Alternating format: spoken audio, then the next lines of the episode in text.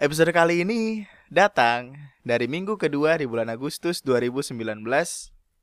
Bahasannya adalah tentang sebuah hal yang rasanya orang lagi dan masih pengen banget buat dengerin karena ini adalah salah satu uh, bahasan podcast yang paling banyak didengerin orang. Gue nggak tahu apakah orang-orang di luar sana pada seneng ngeliatin orang tersiksa apa gimana. Gue gak paham tapi bahasan kali ini adalah tentang perbucinan, lebih tepatnya perbucinan 2.0, 2.0 kayak net gitu 2.0.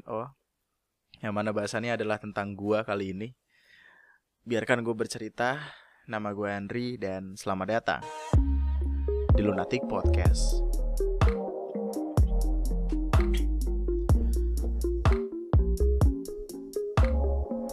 Lunatic Podcast dua minggu sekali eh dua minggu sekali. Dua kali seminggu yang mana DM Instagram gue sekarang ini penuh sama bang podcast mana bang? Gue nggak tahu kayak kenapa? Gue gue sampai sekarang masih belum paham lu kenapa jadi sebanyak ini gitu. Ya mana gue seneng gue seneng banget tapi gue kayaknya apakah gue harus makin berhati-hati dalam bicara? Gue harus mengurangi bangsat-bangsatannya itu atau gimana? Karena aduh ya allah. Gue kalau ngomong kayak gitu tuh rasanya punya tanggung jawab lebih besar lagi gitu. Karena uh, gimana ya orang tuanya nyokap orang tuanya nyokap kan orang tuanya cewek gue sekarang kadang kala dengerin podcast gua ya kan? Daripada nanti gue jadi ini kan jadi tiba-tiba di ditolak jadi mantu kan terus gue ditusuk-tusuk kan sama cewek terus, terus bagaimana? Gue gue harus mengurangi kalimat-kalimat kasar gue gitu. Tapi kalau gue kurangin itu ter kayak orang-orang pada pada pada nggak bisa ngeliat gue emosi. Karena gue kalau emosi biasanya barbar tapi ter gue sensor deh ya. Ya gue sensor aja deh kalau misalkan gue ngomong bla bla bla gitu yang kasar-kasar gitu. Ada capek With great power comes great responsibility, and my responsibility is just to make every single person that listen to my podcast become nyaman. Wih, elah bahasa Inggris bahasa Indonesia, elah Ya gimana pak? Saya kan bahasa Inggrisnya tuh jalanan gitu. Untuk orang-orang yang rumahnya ala kadarnya yang pintu kamar mandi jadi tutup pakai paku. Pasti Eh, kita ada ya orang-orang ya. Kamar mandi, pintunya diganjel pakai paku tau gak paku yang dibengkokin terus kayak buat tutupin gitu. Iya gitu. Kalau nggak pakai tali tuh gak pakai tali cantelin gitu. Lah kita mah paham pak. Mohon maaf nih. Yang kalau mandi sampo itu digigit pakai eh nggak digunting tapi digigit pakai gigi. Dibukanya pakai gigi. Apa sih? Gue ngomong apa sih? Ya Allah eh, eh selamat datang kembali di Lunatic Podcast uh, nantinya akan ada dua podcast dalam seminggu. Dan itu akan gue usahakan dengan mantap karena toh gue sudah tidak lagi melakukan hal-hal yang memusingkan kepala. Hmm. dan kemarin tuh sebenarnya gue udah nge-record podcast hari minggu. Dan seperti janji gue itu bener-bener gue lakuin cuma cuma nih mohon maaf lahiran batin. Gue kan nge-recordnya pakai cam ya dan itu ada di di sebuah kayak apa ya kayak tempat makan gitu tapi bawahnya ada pohon-pohon eh di bawahnya di atasnya ada pohon-pohon segala macam gitu.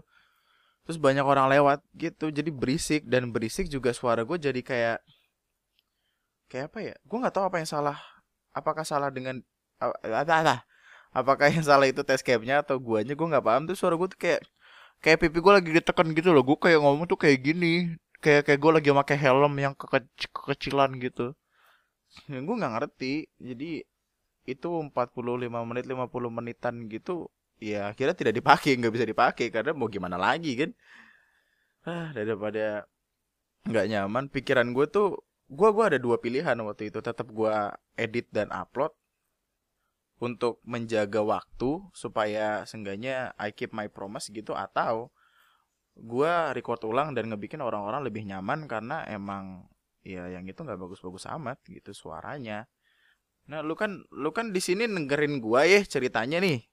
Banyak dari lu pada kayak lu pakai buat tidur lu pakai buat nongki nongki lu pakai buat uh, nemenin makan nemenin gabut gitu kan. Kalau misalkan suaranya tidak nyaman untuk didengar buat apa gitu? Gua kasihan aja. Dan gue nih ya gue punya salah satu cerita menarik cukup menarik untuk gue itu beberapa waktu lalu gue pergi ke salah satu mall. Mall ini cukup besar dan cukup terkenal di Bekasi Sumarekon Mall Bekasi.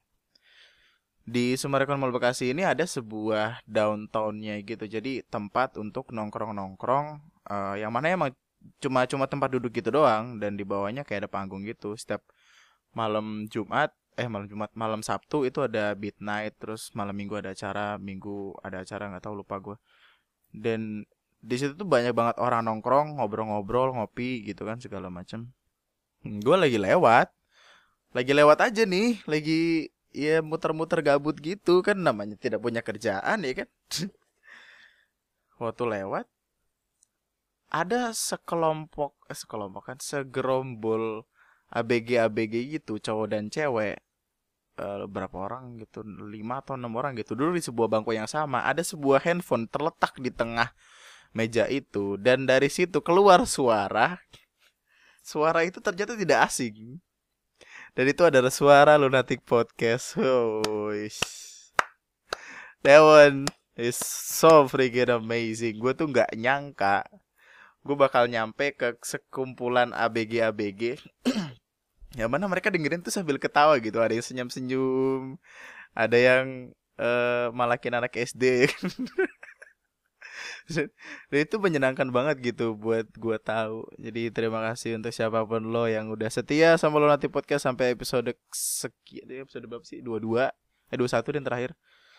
Uh, terima kasih sudah mendengarkan, terima kasih sudah hadir, terima kasih telah menjadikan podcast ini jadi sebuah hal yang semenyenangkan ini untuk gua karena support sistem gua tuh gua dapetin dari orang-orang yang dengerin podcast ini dan terima kasih banyak. Tapi mohon maaf, saya harus jaga-jaga bicara karena kalau tidak saya tidak jadi kawin. takutnya, takutnya kan ntar misalkan, ah ya, ya gitulah ya kah hari minggu kemarin gue uh, ngebikin podcast tentang masalah perbucinan juga. Perbucinan 2.0 yang mana ini bahasannya adalah tentang gue karena di podcast yang masalah perbucinan itu gue banyak ngomongnya tentang teman gue dan teman gue ini juga dengerin teman gue ini dengerin terus dia tertawa akan kebodohannya sendiri. Seneng gue menyadarkan orang lain secara tidak sadar. Eh menyadarkan orang lain secara tidak langsung. Dan dia dia sekarang memperbaiki hubungannya. Dia nggak putus nggak putus sama cewek sekarang. Gue yang paling pertama gue takutkan adalah karena gue menceritakan kebucinan si cowok ini terus ceweknya dengar ceweknya yang sekarang dengar gue takutnya si ceweknya malah mutusin karena mikir kayak nih cowok gue yang sekarang kok bego banget ya dulu gitu. Tapi ternyata enggak aduh itu harus gue sensor gak sih? Eh Asya tante kalau dengerin ini tante halo tante. Sehat ya tante apa sih? Uh, dan gue dapet request dari si teman gue ini. Teman gue bilang kayak kok lu nyeritain gue dong ceritain lu dong. Lu kan juga nggak kalah bucinnya sama gue gitu. Dan ya kalimat itu bisa gue amini karena gue adalah tipikal orang yang sangat amat apa sih namanya ya? Kalau mencintai seseorang tuh nggak nggak bisa setengah-setengah gitu lah sih gitu. Perjuangan tuh biasanya selalu gue lakuin atas dasar uh, kebegoan gitu biasanya karena pengen aja dan dan merasa kalau itu harus buat gue lakuin. Gue pernah loh man yang namanya keluar kota cuma demi ketemu sama seseorang dan seseorang ini tuh nggak apa ya sebenarnya tuh nggak menaruh respon positif juga gitu. Tapi gue menganggapnya itu positif karena dia masih mau ngeladenin gua ngechat-chatan gitu. Gue pikirnya kayak wah dia, dia baik dia baik dia sambarin ke kotanya ya. Pas pulang dari kotanya tidak dicat lagi maksud. Aduh ya Allah nggak paham.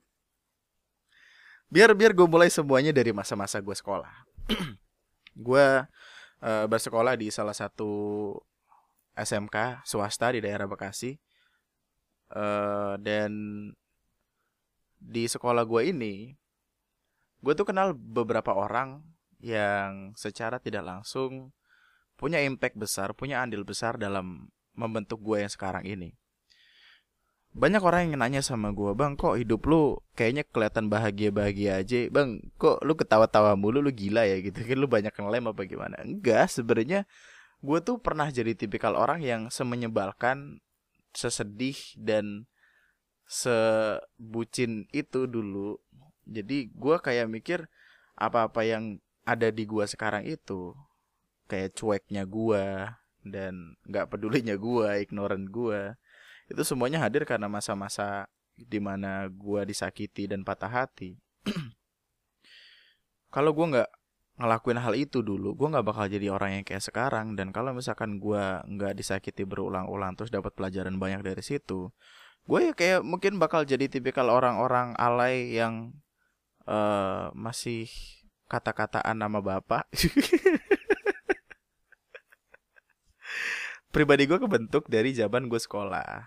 Gue gue belajar banyak dari sekolah karena di sekolah gue ketemu orang-orang yang emang uh, ngebikin gue dewasa secara nggak langsung. Gue sebenarnya nggak apa ya nggak inget banyak sama masa-masa sekolah karena masa-masa sekolah buat gue adalah uh, apa ya sebuah masa yang nggak sepatutnya gue ingat banyak hal memalukan banyak banget yang malu-maluin di sekolah.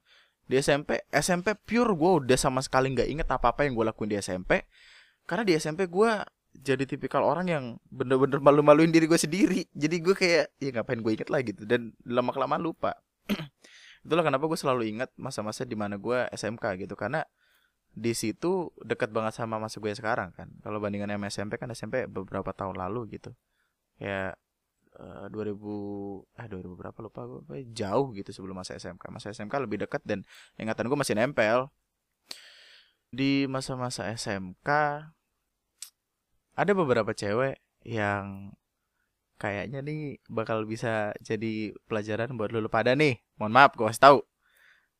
If you're in love with someone, kalau lu suka sama seseorang, kalau lu sayang banget sama seseorang, ngomong aja gitu. Ngomong, kasih tahu ke dia atau setidaknya tunjukkan gelagat-gelagat lu suka sama dia.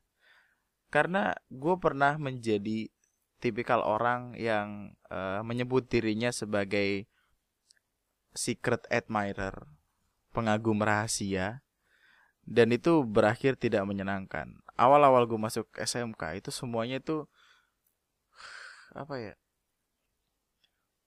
Jadi jadi diem aja gitu loh. Maksudnya gue suka sama seseorang dan gue ngeliatin dia dari jauh doang. Yang mana itu adalah sebuah hal yang gue sadari salah sekarang. Karena mau sesempurna apa pun cinta lu ke dia, ada satu yang bikin cinta lo nggak sempurna yaitu dia nggak tahu kalau lu ada Cici, mamam lu, hehe, sadar, hei sadar. Percuma eh lu suka sama orang, lu jatuh cinta sama orang percuma kalau dia tidak tahu. Kalau lu suka sama seseorang, at least lu bakal eh lu harus tunjukin gelagat-gelagat lu suka sama dia, jangan kayak gue dulu. Gue gue bener-bener yang eh uh, ngeliatin si cewek ini dari jauh bener-bener dari kejauhan ngeliatin kesehariannya dan masa paling sakit adalah masa ketika dia jatuh cinta sama seseorang terus punya hubungan sama orang lain dan kita nggak bisa ngelakuin apa-apa karena kita tapi dia tahu kita juga enggak gitu. Dia tahu sadar ada kita juga kagak jadi ya dia nggak punya tanggung jawab apa-apa buat menjaga perasaan orang yang yang bahkan dia nggak tahu. Semenjak saat itu gue kayak belajar kayak nggak sehat deh untuk jatuh cinta sama seseorang sedangkan orang itu bahkan sama sekali nggak nggak menganggap kita ada gitu nggak menganggap kita ada di muka bumi mulailah gue suka sama beberapa cewek. Gue kan tipikal orang yang melankolis sih. Nulis mulu kan bikin bikin puisi kan baca baca sajak kayak apa anak-anak anak-anak indie Indi Barens alah. Gue uh, sukanya nulis suka nulisnya gue itu kan turun dari nyokap sama bokap kan. Jadi ya kayak yang pernah gue bilang di beberapa waktu lalu nyokap sama bokap menginfluence banyak tentang masalah tulisan. Jadi gue tumbuh tumbuh dan berkembang dengan jadi orang yang omongannya tuh berdasarkan tulisan gitu. Kayak wajahmu bagai rembulan di kala malam bopeng.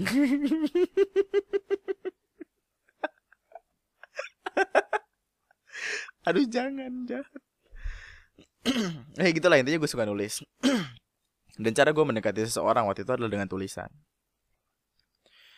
waktu SMK gue pernah yang namanya deket sama beberapa cewek. Tapi ada satu orang yang bener-bener ngebikin uh, konsep percintaan gue itu berubah jadi yang bener-bener bucin parah.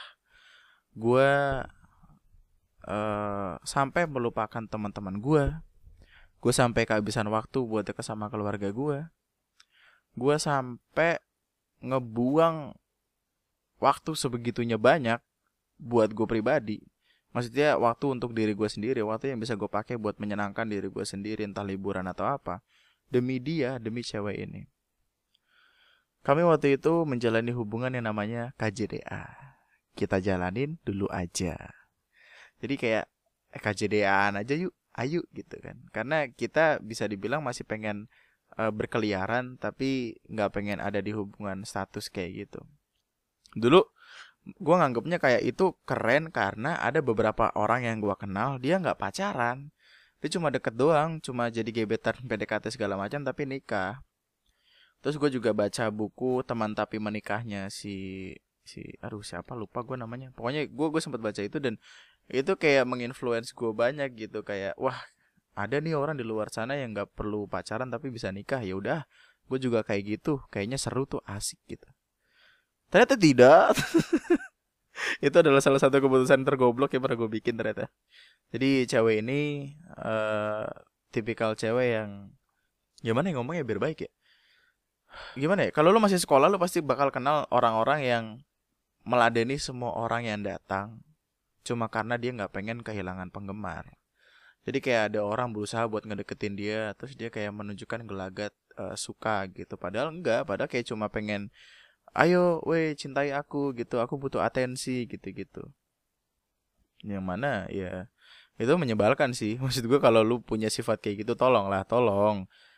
Jangan jangan jangan memainkan uh, apa ya permainan putri-putrian di dunia kecil lu itu. Ntar lu bakal kayak kemakan itu waktu gede tuh. Takutnya ntar ada satu dan dua perubahan dari diri lu. Terus lu kayak nggak disukai lagi sama orang-orang. Terus lu menyesal telah melakukan hal yang sama sekali tidak baik itu karena dia gini misalkan ada cowok ngechat dia gitu hey leh nal gak uh leh nal anjir. Kan dulu masih alay kan. Leh nalan gak gitu. Cewek ini uh, intinya dekat sama banyak orang. Dan di antara beberapa cowok itu ada satu orang yang benar-benar memperjuangkan dia sebegitunya. Orang itu adalah gue uh, gue yang sampai tahun baru ke rumahnya dia cuy bawain bawain jagung sama sosis bakar. Padahal itu dari teman-teman gue gue lagi ceritanya lagi bakar-bakar sama teman-teman gue terus kayak aduh sepertinya saya harus melakukan sesuatu yang heroik heroik yaitu pergi ke rumahnya dan bawa jagung. Gue nggak tahu kenapa gue punya pikiran tapi ya udahlah itu bego banget namanya SMK bocah.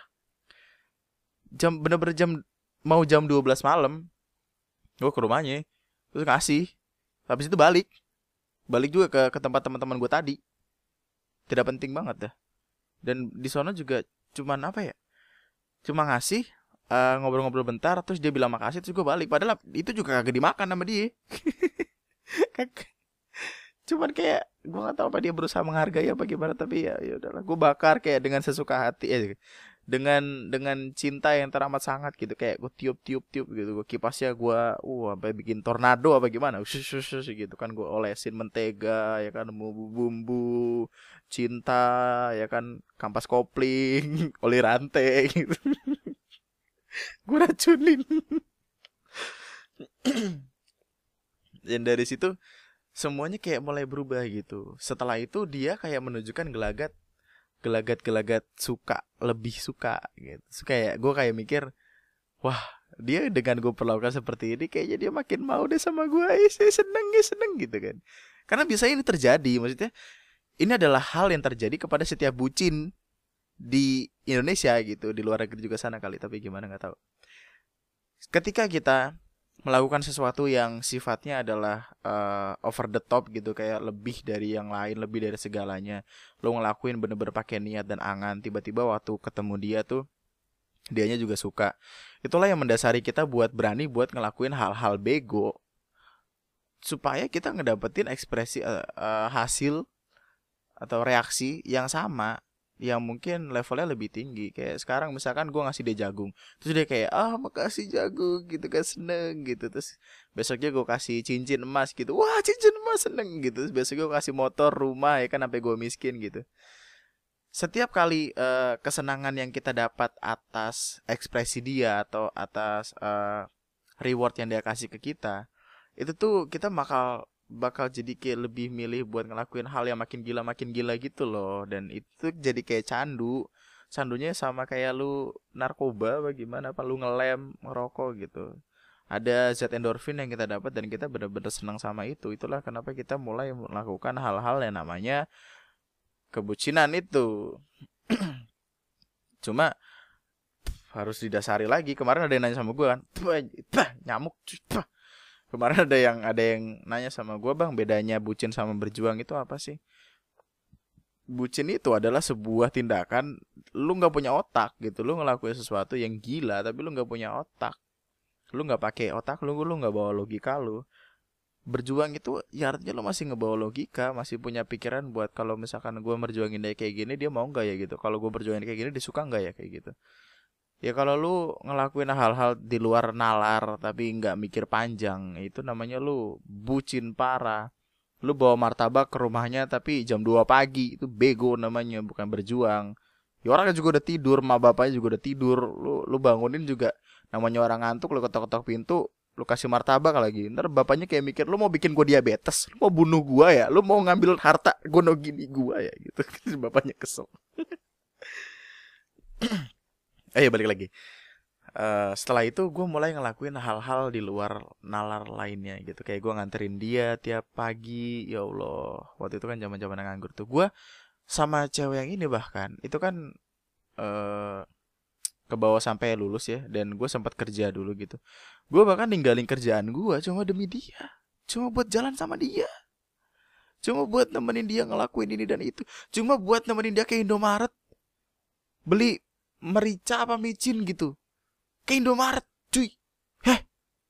Orang mah kerja nyari duit lu buang duit buang tenaga buang waktu. Kagak penting banget tuh. cuma hal yang pernah menjadi uh, trigger gua dalam menyadari kalau hal-hal yang terlalu bucin itu tidak enak apalagi konteksnya adalah orang ini baik ke semua orang atau mau dideketin sama semua orang adalah ketika gua patah hati waktu uh, eh, CFD. Ini adalah car free day pertama gua. Maksudnya, C lu tau CFD gak sih? Yang CFD jalanan sepi terus lu kayak boleh olahraga lari-lari gitu. Yang padahal lu nggak lari-lari olahraga, lu cuma foto-foto biar kelihatan lu sehat. Eh, CFD-nya cuma satu persen, lu gaya-gaya di Instagramnya 99%. oh sama sama ini, sama nyari nyari cewek-cewek cakep. kan biasanya kalau orang lari-lari tuh celananya pakai celana pendek gitu kan. Iya gitu lah iya. Biasanya cowok-cowok cowok-cowok yang kayak desperate dapetin cewek tuh biasanya nyarinya di CFD tuh. Ya ngeliatin cewek-cewek lari keringetan gitu. Menurut dia seneng. Waktu itu CFD posisinya kondisinya uh, cewek ini udah deket sama gue tuh. Ada dalam hubungan KJDA KJDA itu dia nggak ngomong apa-apa cuman uh, eh nggak dia sempat ngomong kayak besok aku mau CFD gitu. Terus gue kayak bilang sama siapa? Sama teman oke okay lah gitu nggak ada masalah dong. Nggak tahu kenapa malamnya itu waktu dia ngechat gue kayak punya pikiran kayak ada feeling gak enak aja lah gitu. Feeling jelek aja rasanya tuh ada sesuatu yang mengganjal dalam dada gitu kan. Uh, eh, gue akhirnya nggak kontak teman-teman gue tuh. Teman-teman gue ada lima Ali Farhan Ricky Akang gua gitu. Kan itu berempat sih yaudah itu berlima. Ya lu juga nggak kenal ya udahlah ngapain juga? Eh bego dah gue ngapain juga gue kasih tahu? Eh soalnya gini eh, orang-orang ini nantinya bakal penting di podcast podcast gue sel sel selanjutnya. Jadi ya mungkin harus lo ingat ya. Yang lu inget kan window doang tuh yang kemarin dobrak pintu kamar gua eh pintu rumah gua ya kan? Ntar ada teman-teman gua lain itu uh, eh, gue CFD lah tuh. Akhirnya mutusin buat ah ya udahlah gue CFD juga gitu kan. Gue juga belum pernah gitu. That's the first time ever CFD uh, eh, gue jemput teman-teman gue dulu. Karena lo tahu sendiri lah ya orang Indonesia emang ngaretnya pada kebangetan banget. Tradisi kok dijaga sampai tua tapi tradisi yang jelek. Udah tahu jelek masih ada di ngaret ngaret ngaret. Gue berangkat jam uh, subuh subuh subuh dari rumah subuh. Ke rumah si Farhan ke rumah si Ricky Ali Akang. Itu berangkat buat ke CFD jam 8 dari subuh ke jam 8 3 jam nyamper nyamperin doang. Emang pada berak aja orang-orang itu. Dan CFD-nya di SMB Sumarekon Mall Bekasi. CSMB itu kan kayak uh, flyover gitu kan. Jadi nyampe sana tuh niat awalnya memang untuk CFD gitu. Niat awalnya untuk uh, berolahraga karena belum pernah ya kan udah tahu sendiri gue udah malas olahraga kan kagak ada kerjaan kayak jadi apa badan gue ntar. Lari dah tuh gue di CFD Sumarekon Mall Bekasi kan itu kayak ada flyover gitu kan. Flyover Sumarekon itu jadi kayak ada jembatan panjang gitu nembus ke Gor Bekasi. Jadi caranya adalah uh, lari dari depan mall itu cukup jauh ke bundaran bundaran itu terus naik ke flyover flyover balik lagi terus balik lagi ke parkiran gitu doang muter gue sekali tuh sama yang lain. Capek dong pasti ya kan? Lelah kan? Nggak pernah olahraga emang bego. Di parkiran waktu lagi ngobrol-ngobrol sama teman-teman gue tiba-tiba ada secercah cahaya dari langit. Sih apa sih? Gak gak gak apa sih? Alay. Gua akang akang tiba-tiba ngomong sama gue Dri, Dri, tuh tuh tuh, tuh. gue refleks dong. Refleks ngeliat kanan dong terus waduh ternyata itu adalah cewek yang gue taksir. Cewek yang lagi kejadian sama gue cewek yang yang selama ini gue pikir adalah orang baik tapi ternyata tidak. Gue ngelihat ngelihatnya tuh ngelihat pakai tatapan berbinar-binar kayak orang patah hati gitu loh man. Kayak push in boots tau gak sih lu matanya yang yang berkaca-kaca? Persis kayak gitu kayaknya. Gue ngelihat ya Allah gini amat hidup ya aduh. Jadi ikan aja bagaimana mohon maaf nih. Terus gue ngeliat itu ngeliat itu namanya bocah kan kayak aduh gimana nih gue gimana? Salting panik panik. Karena dia nggak tahu gue ada di situ. Dia seharusnya tahunya gue tidur. Karena emang gue tidur mulu kan orangnya. Akhirnya gue uh, kayak ngomong sama anak-anak dicabut cabut cabut bubar bubar langsung pada mencar. Mencar itu gue yang jadi tempat gue berdiri ini uh, parkiran parkiran ini tuh dia ada di depan sebuah ruko gitu ruko parkiran nah di belakang parkiran itu kayak ada jalan gede jalan gede itu jadi di bawahnya ada tangga gitu jadi gue langsung turun ke tangga uh, ngarah ke jalan gede ini kayak buat ngeliatin jalan gitu intinya biar nggak ketahuan lah tapi waktu baru turun itu gue ngerasa kayak apakah gue harus melakukan ini? Apakah ini jalan yang terbaik buat gue sih? Kayak nggak ya, dramatis banget sih. Enggak, gue mikirnya kayak masa kayak gini sih pun kalau mau ngakhirin juga ya nggak baik lah kucing-kucingan kayak gini. Akhirnya dengan berbesar hati gue uh, balik lagi ke parkiran dan dengan begonya gue nggak tahu apa yang ada di pikiran gue waktu itu. Pikiran gue mungkin beranggapan kayak gue lewat di eh gue papasan sama dia di jalan. Si cewek ini bakal kayak Andri maaf tunggu aku bisa jelasin ini semua ke kamu ini nggak kayak yang kamu pikir gitu. Terus gue kayak mikir gitu dong. Eh kayak di artis-artis kayak sinetron. Eh kayak Candy tau gak kayak Candy. Akhirnya gue mutusin buat jalan. Jalan ke arah berlawanan sama antara dia sama si cowok ini. Cowok ini tuh sebenarnya gue kenal. Karena cowok ini adalah uh, apa sih asisten lab di sekolah gue waktu itu di SMK pengen gua tampol sih orangnya. Cuma eh syah syah syah tidak tidak. Lupa lupa udah lupa. Jalan papasan jalan papasan. Gue jalan ke arahnya dia.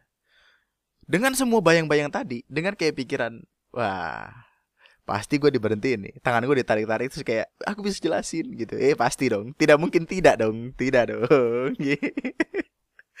Ternyata saya hanya bermain-main dalam fantasi sendiri. Dia jalan sama cowok ini sampingan uh, posisinya ceweknya di kiri, cowok yang bareng dia di kanan. Gua di kanan, eh gue di kiri jalan, yang mana itu berarti ada di kanan si cowok yang di cewek kanan. Ah, intinya papasan lah, ah berak, papasan. Uh, gue sebelahnya si cowok ini. Jalan angin angin doang angin yang ngomong sama gue angin tidak berhenti tidak angin angin angin hey. Tidak. Kagak ada yang kagak ada yang kayak sinetron sinetron gue sedih langsung pak. Kayak jalan papasan. Udah kagak ada apa-apaan cuy. Kayak kayak gue bukan siapa-siapa. Kayak gue cuma figuran FTV dua ratus ribu yang cuman mari pak gitu. Eh gue kayak kayak tukang tukang parkir yang tahu-tahu eh apa sih? Nggak jadi. Analoginya payah kagak jadi.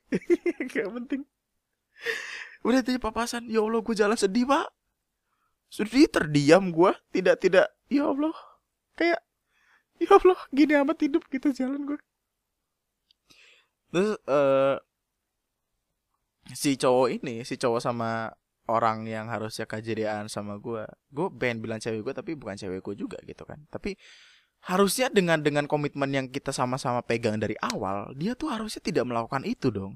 Harusnya dia paham kalau kita punya hubungan loh gitu harusnya ada ada perasaan yang harus lo jaga loh gitu kayak ada ada hati nih eh eh berak bajing eh eh gue pengen ngomong kasar tapi gak boleh eh ada hati yang harus anda aja ada hati yang harus anda jaga perasaannya tapi waktu itu enggak. Tidak ada yang namanya menjaga perasaan. Tidak ada. Sakit. Nyelekit. Cek, cek. Gitu di. Hmm, meninggal gue. Nah dia kan jalannya tuh ke arah parkiran. Melewati motor-motor yang gue sama teman-teman gue parkir. si cowok ini.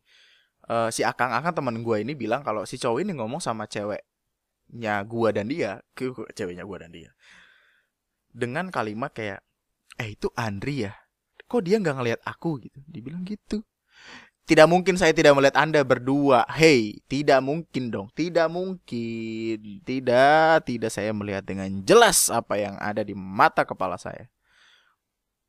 Patah hati patah sepatah patahnya akhirnya uh, eh, gue balik lagi tuh ke parkiran nemuin teman-teman gue teman-teman gue kayak yang nepuk pundak gue gitu kayak udah lamaan. Ya pundak mana sih? Sini. Udahlah man.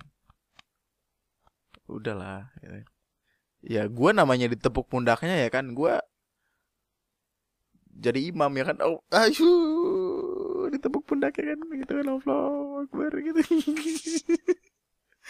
Aduh bercandaan ya Allah. Nggak aman. gue sesedih itu dan namanya teman-teman gue ya kan uh, udah bareng-bareng lama mereka ngerti dong gue gimana mereka tahu paham gue jadi orang kayak apa. Akhirnya gue balik ke rumahnya Farhan. Gue gak gue langsung gak langsung balik ke rumah karena gue tahu kalau gue balik ke rumah gue bakal melakukan sesuatu yang uh, di luar nalar gitu. Karena gimana ya gue gue adalah tipe kalau orang yang uh, bisa dibilang lebih memilih untuk menyakiti diri gue sendiri untuk melupakan rasa sakit yang udah orang lain bikin ke gue gue dari dulu percaya kalau rasa sakit itu bisa dihilangin dengan rasa sakit yang lain. Ternyata sekarang gue sadar kalau itu nggak bisa. Dulu gue masih percaya itu gue percaya banget. Dan daripada gue di rumah terus nampolin tembok kan jadi kayak ya udahlah gitu. Gue main ke rumah Farhan. Yang gue lakuin apa dah? Ya gue ya gue lakuin masa gue nyoret-nyoret buka gue pakai spidol? Demi Allah demi Allah. Ini kayak gue nggak tahu kenapa. Nyampe rumah Farhan kayak bete. Aduh diem gue Han itu spidol apa? Spidol spidol buat papan tulis lah kenapa? Minjem ya? Coret-coret tangan dulu awalnya kan patah hati gitu. Sosok bikin tato itu kan terus kayak alis gitu kan. Sumpah beneran ini nggak bohong cuy. Gue bikin alis gitu kayak kayak kayak mau kondangan. Pakai spidol pakai spidol. Eh bikin alis gitu kan alis kanan. Kok kepanjangan alis kanan bikin yang kiri panjangin lagi. Yang kiri kok makin kepanjangan. Bikin kanan gitu. Tebel kan? Tebel. Sum, itu tebel. Tebelnya tuh kayak yang kayak ada dua gunung gitu di atas di atas alis gua. Gua, makanya salut sama cewek-cewek yang bisa gambar alis. Kalian hebat. Kalian hebat. Apalagi sampai bisa simetris gitu gua nggak bisa. Terus kayak aduh jadi gini ya? Jadi kayak ojan tau gak sih? Tatap mata saya gitu. Kayak uh, apa jadi kayak ini aja ya uh, apa sih namanya dulu kan apa sih gue suka nontonin Naruto tuh. Jiraya kan dia ada ada ada lambang-lambang gitu kan di mukanya coret-coretan gitu. Gue ayo bikin kayak gitu juga. Kayak lambang-lambang serem gitu gue bikin kan. Gue nggak tahu kenapa. Gue gue sama sekali nggak tahu kenapa. Gue nggak paham. Gue bikin aja gitu di pipi ya kan. Uh, di hidung. Gue bikin itu apa kantong mata ya kan gue gila banget sumpah. Itu fotonya ada deh kayaknya sama Farhan. Waktu gue lagi sesedih dan segila itu cewek ini ngechat. Harusnya dengan sebuah kejadian itu ada permintaan maaf dong. Iya dong. Eh iya dong. Kita kayak maafin aku aku minta maaf. Aku janji nggak bakal ngelakuin itu lagi. Gitu dong. Eh iya dah. Normal manusia akan melakukannya tapi itu tidak dia ngomong eh dia ngechat gue cuman gue itu orangnya emang kayak gini terserah mau terima apa enggak terserah mau terima apa enggak tidak ada permintaan maaf apa pun tidak ada penyangkalan, tidak ada penjelasan atas apa yang barusan gue lihat. Nggak ada. Dan itu jadi jadi tamparan keras banget buat gue gitu. Lu boleh merjuangin seseorang tuh boleh harus malah kalau lu cowok tuh kayak lu emang harus memperjuangkan wanitanya wanita yang lu punya gitu. Karena ya tanpa perjuangan yang lu lakuin dia tuh nggak bakal ngeliat lu serius. Dia nggak bakal sadar kalau lu cinta dia. Tapi kalau misalkan yang lu perjuangin itu se seegois dan semenyebalkan itu ya lu salah. Dan itu gue sadar banget. Gue mikir kayak kok ada ya cewek kayak gini tuh? Kok bisa? Gitu. Gue nggak habis pikir dan habis itu gue lost kontak sama dia. Teman-teman gue sampai sampai ngomelin gue gue ditampol sama Parhan diomelin gue jadi jadi sebego itu. Karena mereka tahu gue kalau misalkan udah dekat sama cewek gue nggak bakal bisa nggak bakal bisa tidak berjuang tidak akan bisa tidak berjuang. Iya apa sih sombong banget akhirnya ya gue gue nggak kontek-kontekan tuh sama dia. Sampai akhirnya itu kan kejadian kelas 2 SMK tuh. Bocah bucin kan. Udah bocah bego bucin belajar kagak eh sekolah belajar kagak pacaran mulu pacaran juga disakitin bego udah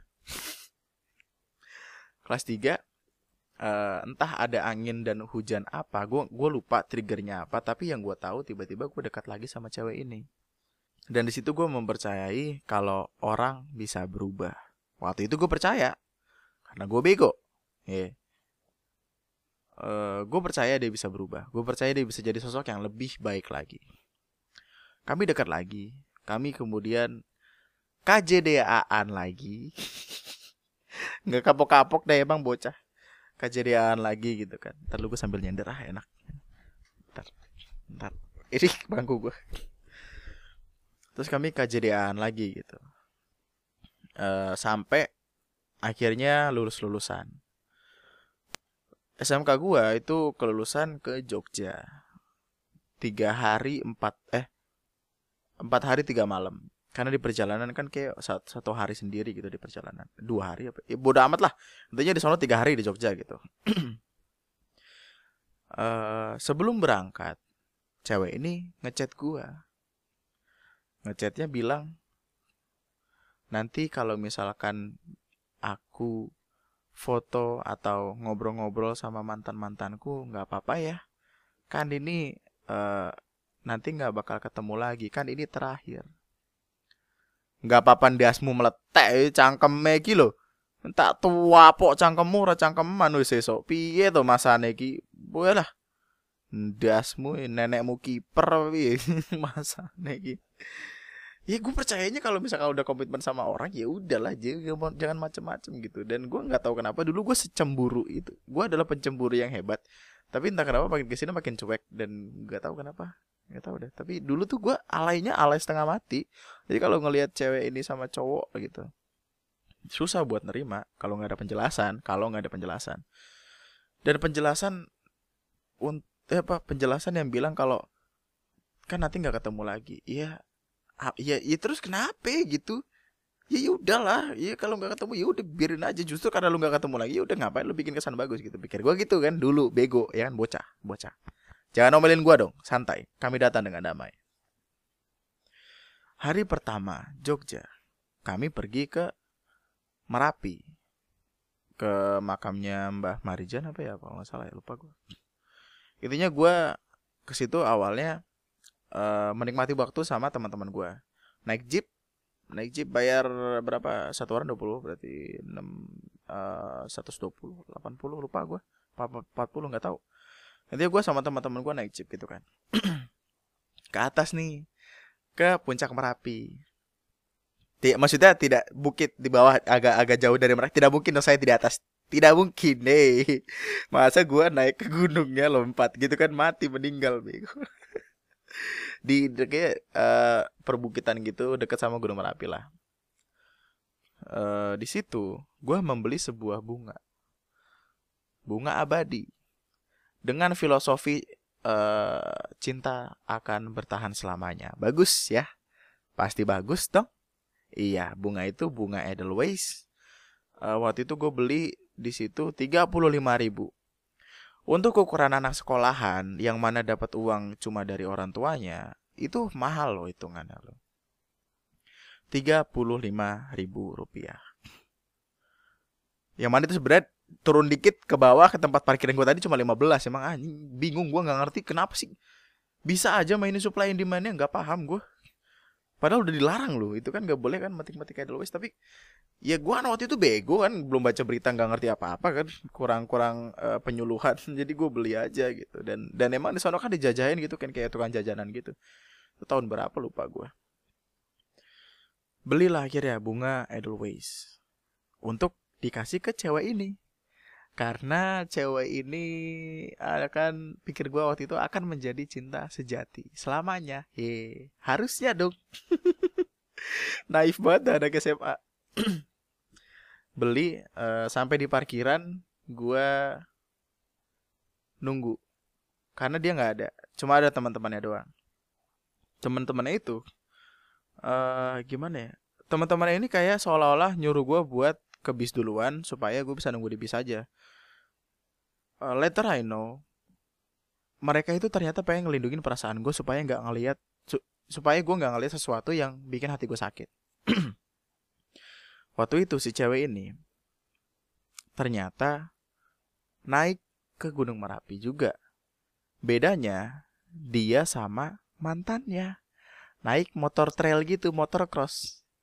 Aduh, dengan tahu itu aja tuh gue udah kayak alah kenapa begini?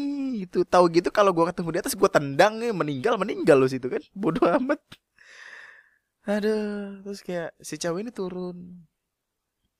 Uh, dia dia diantarin cowok gitu kan. Cowok ini mantan ya bener-bener mantan ya man? Uh, dari dari atas bukit gitu turun ke parkiran ke parkiran bus gitu. Uh, terus kayak ketawa-tawa dia foto-foto yuk foto gitu. Dari jauh dari jauh kelihatan gue kan. Sih perasaan gue ini gimana? Ya Allah hidup gini amat ya.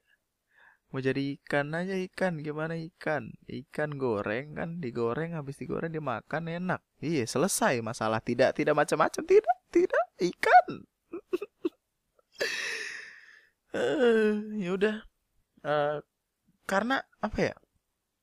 Karena pikir gue waktu itu adalah oh ya udahlah gitu. Mungkin cuma ini doang gitu. Toh dia juga di awal udah bilang jadi kayak gue berusaha untuk memahami gue berusaha untuk mengerti keadaan dia yang pengen bersilaturahmi eh, uh, sama mantannya.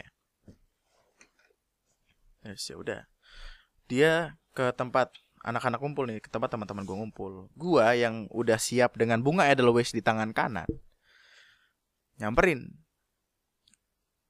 Dari mana tadi? Oh enggak itu dari atas tadi sama ini sama ini gitu. Oh oke. Okay. gue berusaha untuk tidak marah karena gue anak yang baik hati dan tidak sombong. Aduh gak paham gue capek dah anjir. Terus dia ngobrol-ngobrol gitu sama gue tentang apa yang dilihat di atas gitu. Sebenarnya gue masih kesal cuman ya udahlah. Bunga Edelweiss yang ada di kanan tangan gue gue berusaha buat kasih ke dia nih bunga tadi beli di atas sengaja gue beliin. Waktu itu tiba-tiba omongan gue langsung berubah jadi jadi gue lu gitu. Awal aku kamu jadi gue lu. Ini bunga buat lo bagus. Melambangkan gue gue mulai mulai uh, ngasih tahu filosofi filosofi dari bunga itu. Bunga ini melambangkan keabadian. Jadi jatuh cinta sama lu bisa jadi keabadian buat gue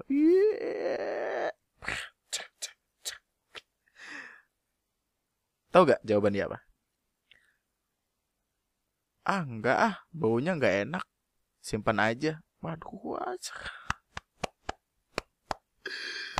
Jantung sakit, ketusuk-tusuk di jantung. Eh jantung mana sih? Jant, dada, hati mana sih? Hati kanan, hati susuk-susuk. Terus gue kayak, aduh. Terus gue 35 ribu tadi ke mana tuh? Apa gue balikin aja bagaimana ya? Naiknya jauh dong, tidak bisa. Apa gue jual lagi aja di bawah? Gue jadi pengepul. itu itu beneran gak diterima loh. Beneran gak diterima man. Sampai sampai akhir itu pun gak diterima.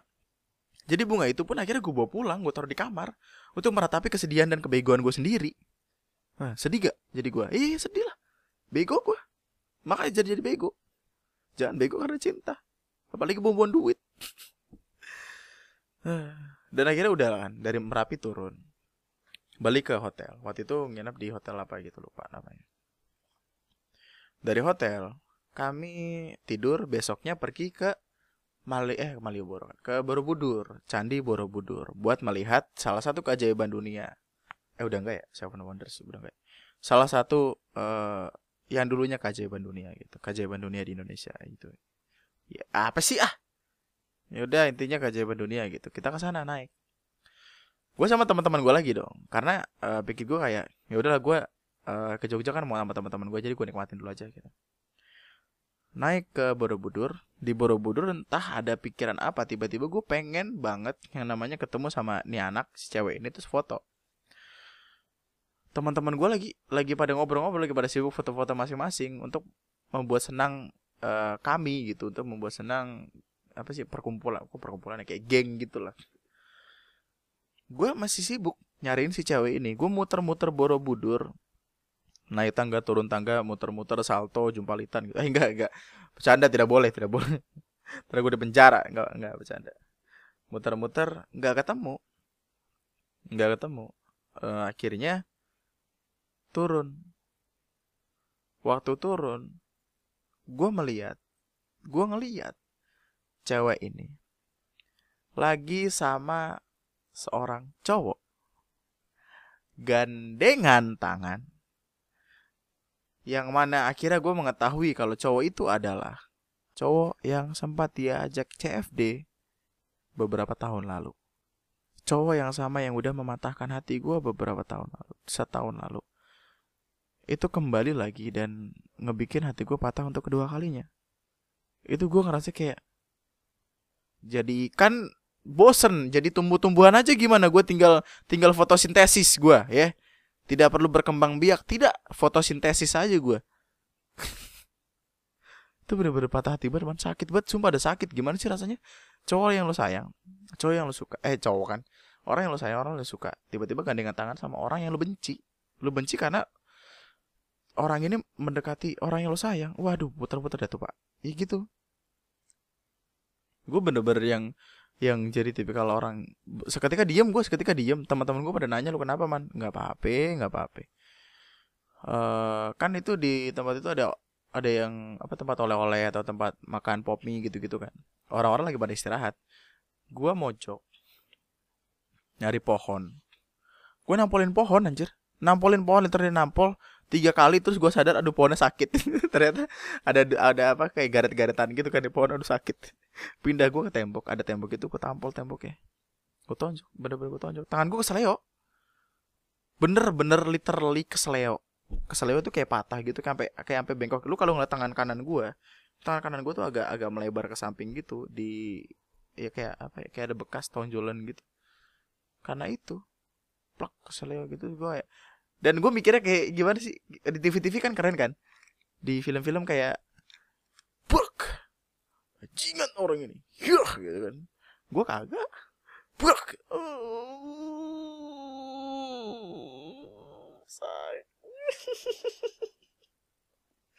baru mukul sekali kayak ya Allah ya Allah.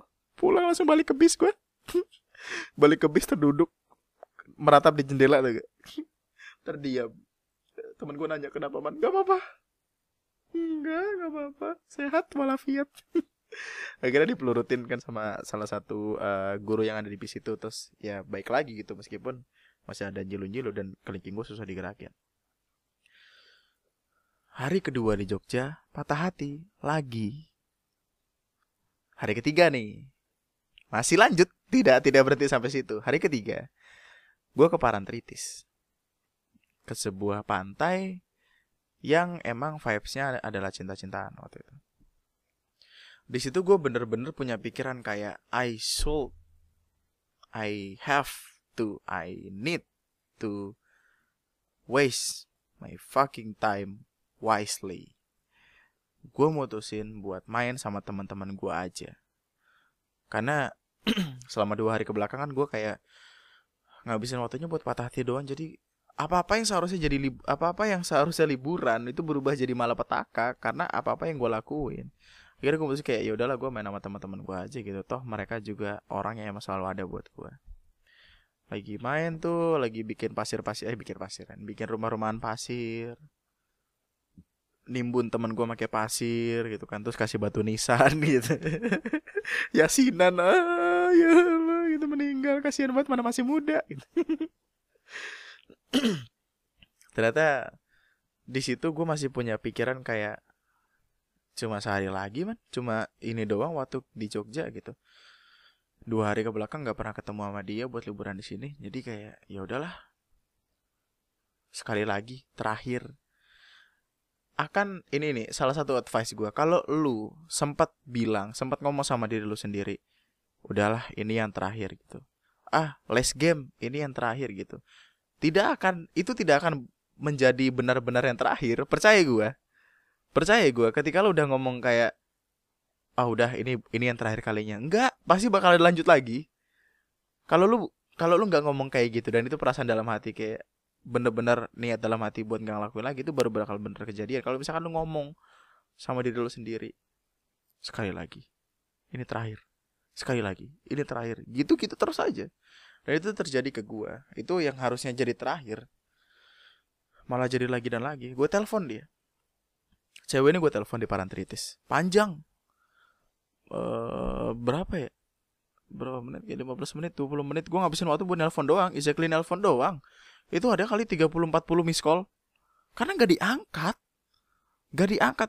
Tidak ada yang lebih menyebalkan rasanya daripada menghubungi orang yang waktu ketemu sama kita, waktu main sama kita dia selalu ada sama HP-nya, tapi waktu dihubungi, waktu dicari nggak ada, itu tuh menyebalkan orang-orang kayak gitu.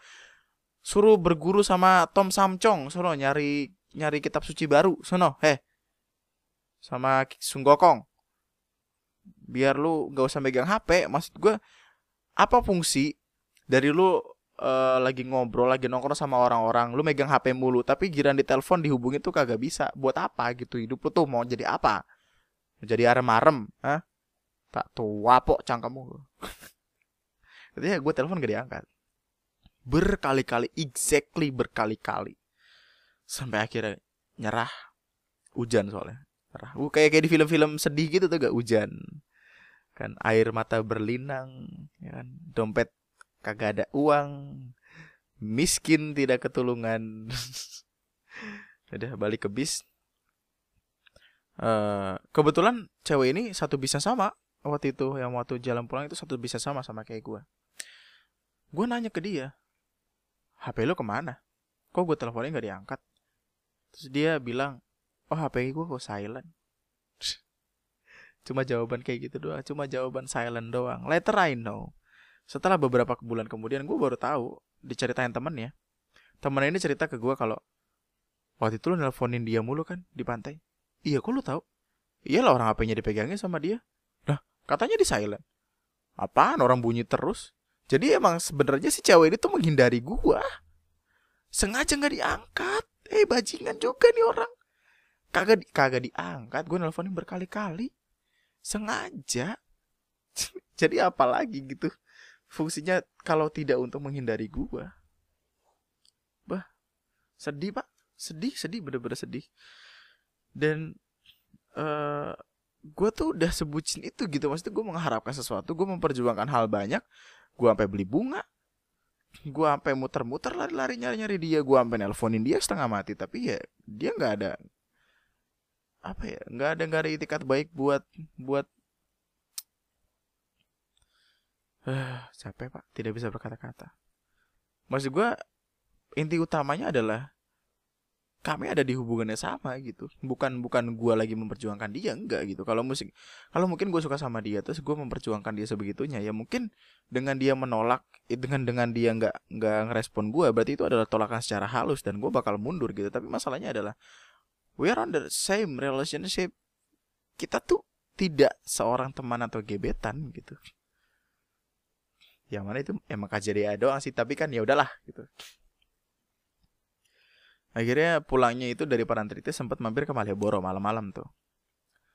Uh, terus dia sosokan nemenin gue belanja gitu. Gak tahu abis merasa berdosa apa gimana nggak paham gue sosokan baik gitu tiba-tiba eh berak. Nah di parkiran bis waktu mau masuk bis kan itu belanja udah tuh balik ke parkiran. Uh, dia eh gue gua gua ngomong sama dia lo mau sampai kapan kayak gini terus dia diem. Terus gue ngasih dua pilihan ke dia. Sok sok sok sok dua pilihan kayak kayak aku cinta kamu atau enggak gitu. Iya deh biar. Gue nanya ke dia lo mau sampai kapan kayak gini terus? Sekarang coba lo pilih. Lo mau tetap bareng-bareng sama gue tapi lo ubah sifat lo atau udahan aja. Kayak gini mah nggak penting. Capek. Dia sempat diem lama. Dia sempat kayak berusaha iya nanti gue coba buat berubah gitu. Tapi di diemnya dia terus berusaha waktu berusaha jawab pilihan yang pertama dia kemudian ragu terus kayak ya udah di sini aja. Terus kita kayak saling saling saling pisah gitu bisa jalan. Kayak ya udah kita emang udah nggak cocok kali udahan aja nggak penting. Nggak dia nggak ngomong nggak penting sih itu hiperbola tapi kan kayak kesannya kayak gitu kan terus kita jalan berawanan arah. Dia ke arah kiri gue ke arah kanan ada hujan gitu. Sedih kan melodrama. Tiba-tiba gue masuk bis dia masuk bis kita ada di bis yang sama ternyata. Ngapain bisa tadi kenapa kagak bareng-bareng? Waktu di bis ternyata itu kan gue masuk dari pintu belakang dia masuk dari pintu depan. Ternyata gue duduk di depan dia duduk di belakang. Jadi di bis papasan lagi ini bego dah. Gak paham. Capek banget anjir. Dan itulah sebucin itu dan semenyebalkan itu. Dulu kisah cinta gue udah berjuang sebegitunya udah mati-matian berusaha memperjuangkan hubungan yang gue rasa ada ternyata tidak berguna. Makanya dari situ gue mulai berusaha buat jatuh cinta sewajarnya jatuh cinta apa adanya tidak yang semuluk-muluk itu tidak berharap banyak. Karena dengan pengharapan kita semua akan jatuh akan sakit-sakit juga. Hal paling mendasar dari sakit hatinya manusia adalah pengharapan dia akan manusia lainnya. Dan satu-satunya cara paling nyaman untuk menjadi baik-baik saja adalah dengan tidak mengharapkan apa pun kepada orang-orang, kepada siapa pun. Orang nanya sama gue, kan beberapa waktu lalu gue bikin podcast, bang kenapa sih lo bilang lo nggak nggak mau percaya lagi sama orang? Ya karena untuk apa gitu? Gue gue udah berusaha buat nggak nyakitin diri gue sendiri dengan ngelakuin hal-hal blunder dengan mempercayai orang lain. Kalau gue percaya sama orang lain gue berharap banyak banget sama dia. Gue gue kayak naruh percaya gue banyak ke dia. Sedangkan dianya enggak dan dia mengecewakan gue itu bakal sakitnya kerasa di gue sedangkan di dia tuh biasa aja. Jadi gue bakal lebih milih kayak oke okay, lu bisa percaya sama gue tapi sorry gue nggak bisa percaya sama lu bukan berarti gue nggak nggak percaya sama pribadi lu gue cuma nggak percaya sama siapa siapa sesederhana itu. Jadi kalau misalkan uh, lo jadi tipikal orang yang tidak lagi menaruh harapan banyak tidak lagi percaya sama hal-hal klise klasik lo bakal menjalani hidup dengan lebih normal lebih menyenangkan untuk berharap akan sesuatu yang uh, akan datang di masa yang akan datang itu ah, bakal bikin kita gelisah doang. Dan kalau kita gelisah kita bakal susah buat ngelakuin apa-apa. Susah fokus susah buat tentuin pilihan. Jadi prosesnya adalah tidak untuk percaya terlalu banyak. Santuy ya selau. Tuhan bersama hamba-hambanya yang santuy. Yeah. dan dari situ gue belajar Apa-apa yang diperjuangkan secara berlebihan tidak akan baik. Apa-apa yang diperjuangkan tidak dengan logika, semuanya bakal berakhir fana. Dan kalau udah kayak gitu ya mau gimana lagi, mau apa, mau ngapain, udahlah. Cari yang jelas-jelas aja, cari yang nyaman-nyaman aja. Cari yang emang sebegitunya nyaman buat lu dan cocok sama lu. Jangan lu sendiri yang ngerasa cocok. Kalau lu sendiri ngerasa cocok, dianya kagak. Ya mau ke mana lu mau ngapain? Gitu lu bakal berjuang sendirian. Capek capek. Gua tau aja capek. Apalagi kayak kayak si teman gue kemarin no yang beli beli boneka disamperin ke rumahnya ceweknya ini boneka buat kamu. Oh, maaf rumah aku nggak muat. Padahal rumahnya segede-gede gaban. Anjir kagak muat boneka taruh mana? Jidat lu tempelin no. Eh, tak tuh apa jidat gue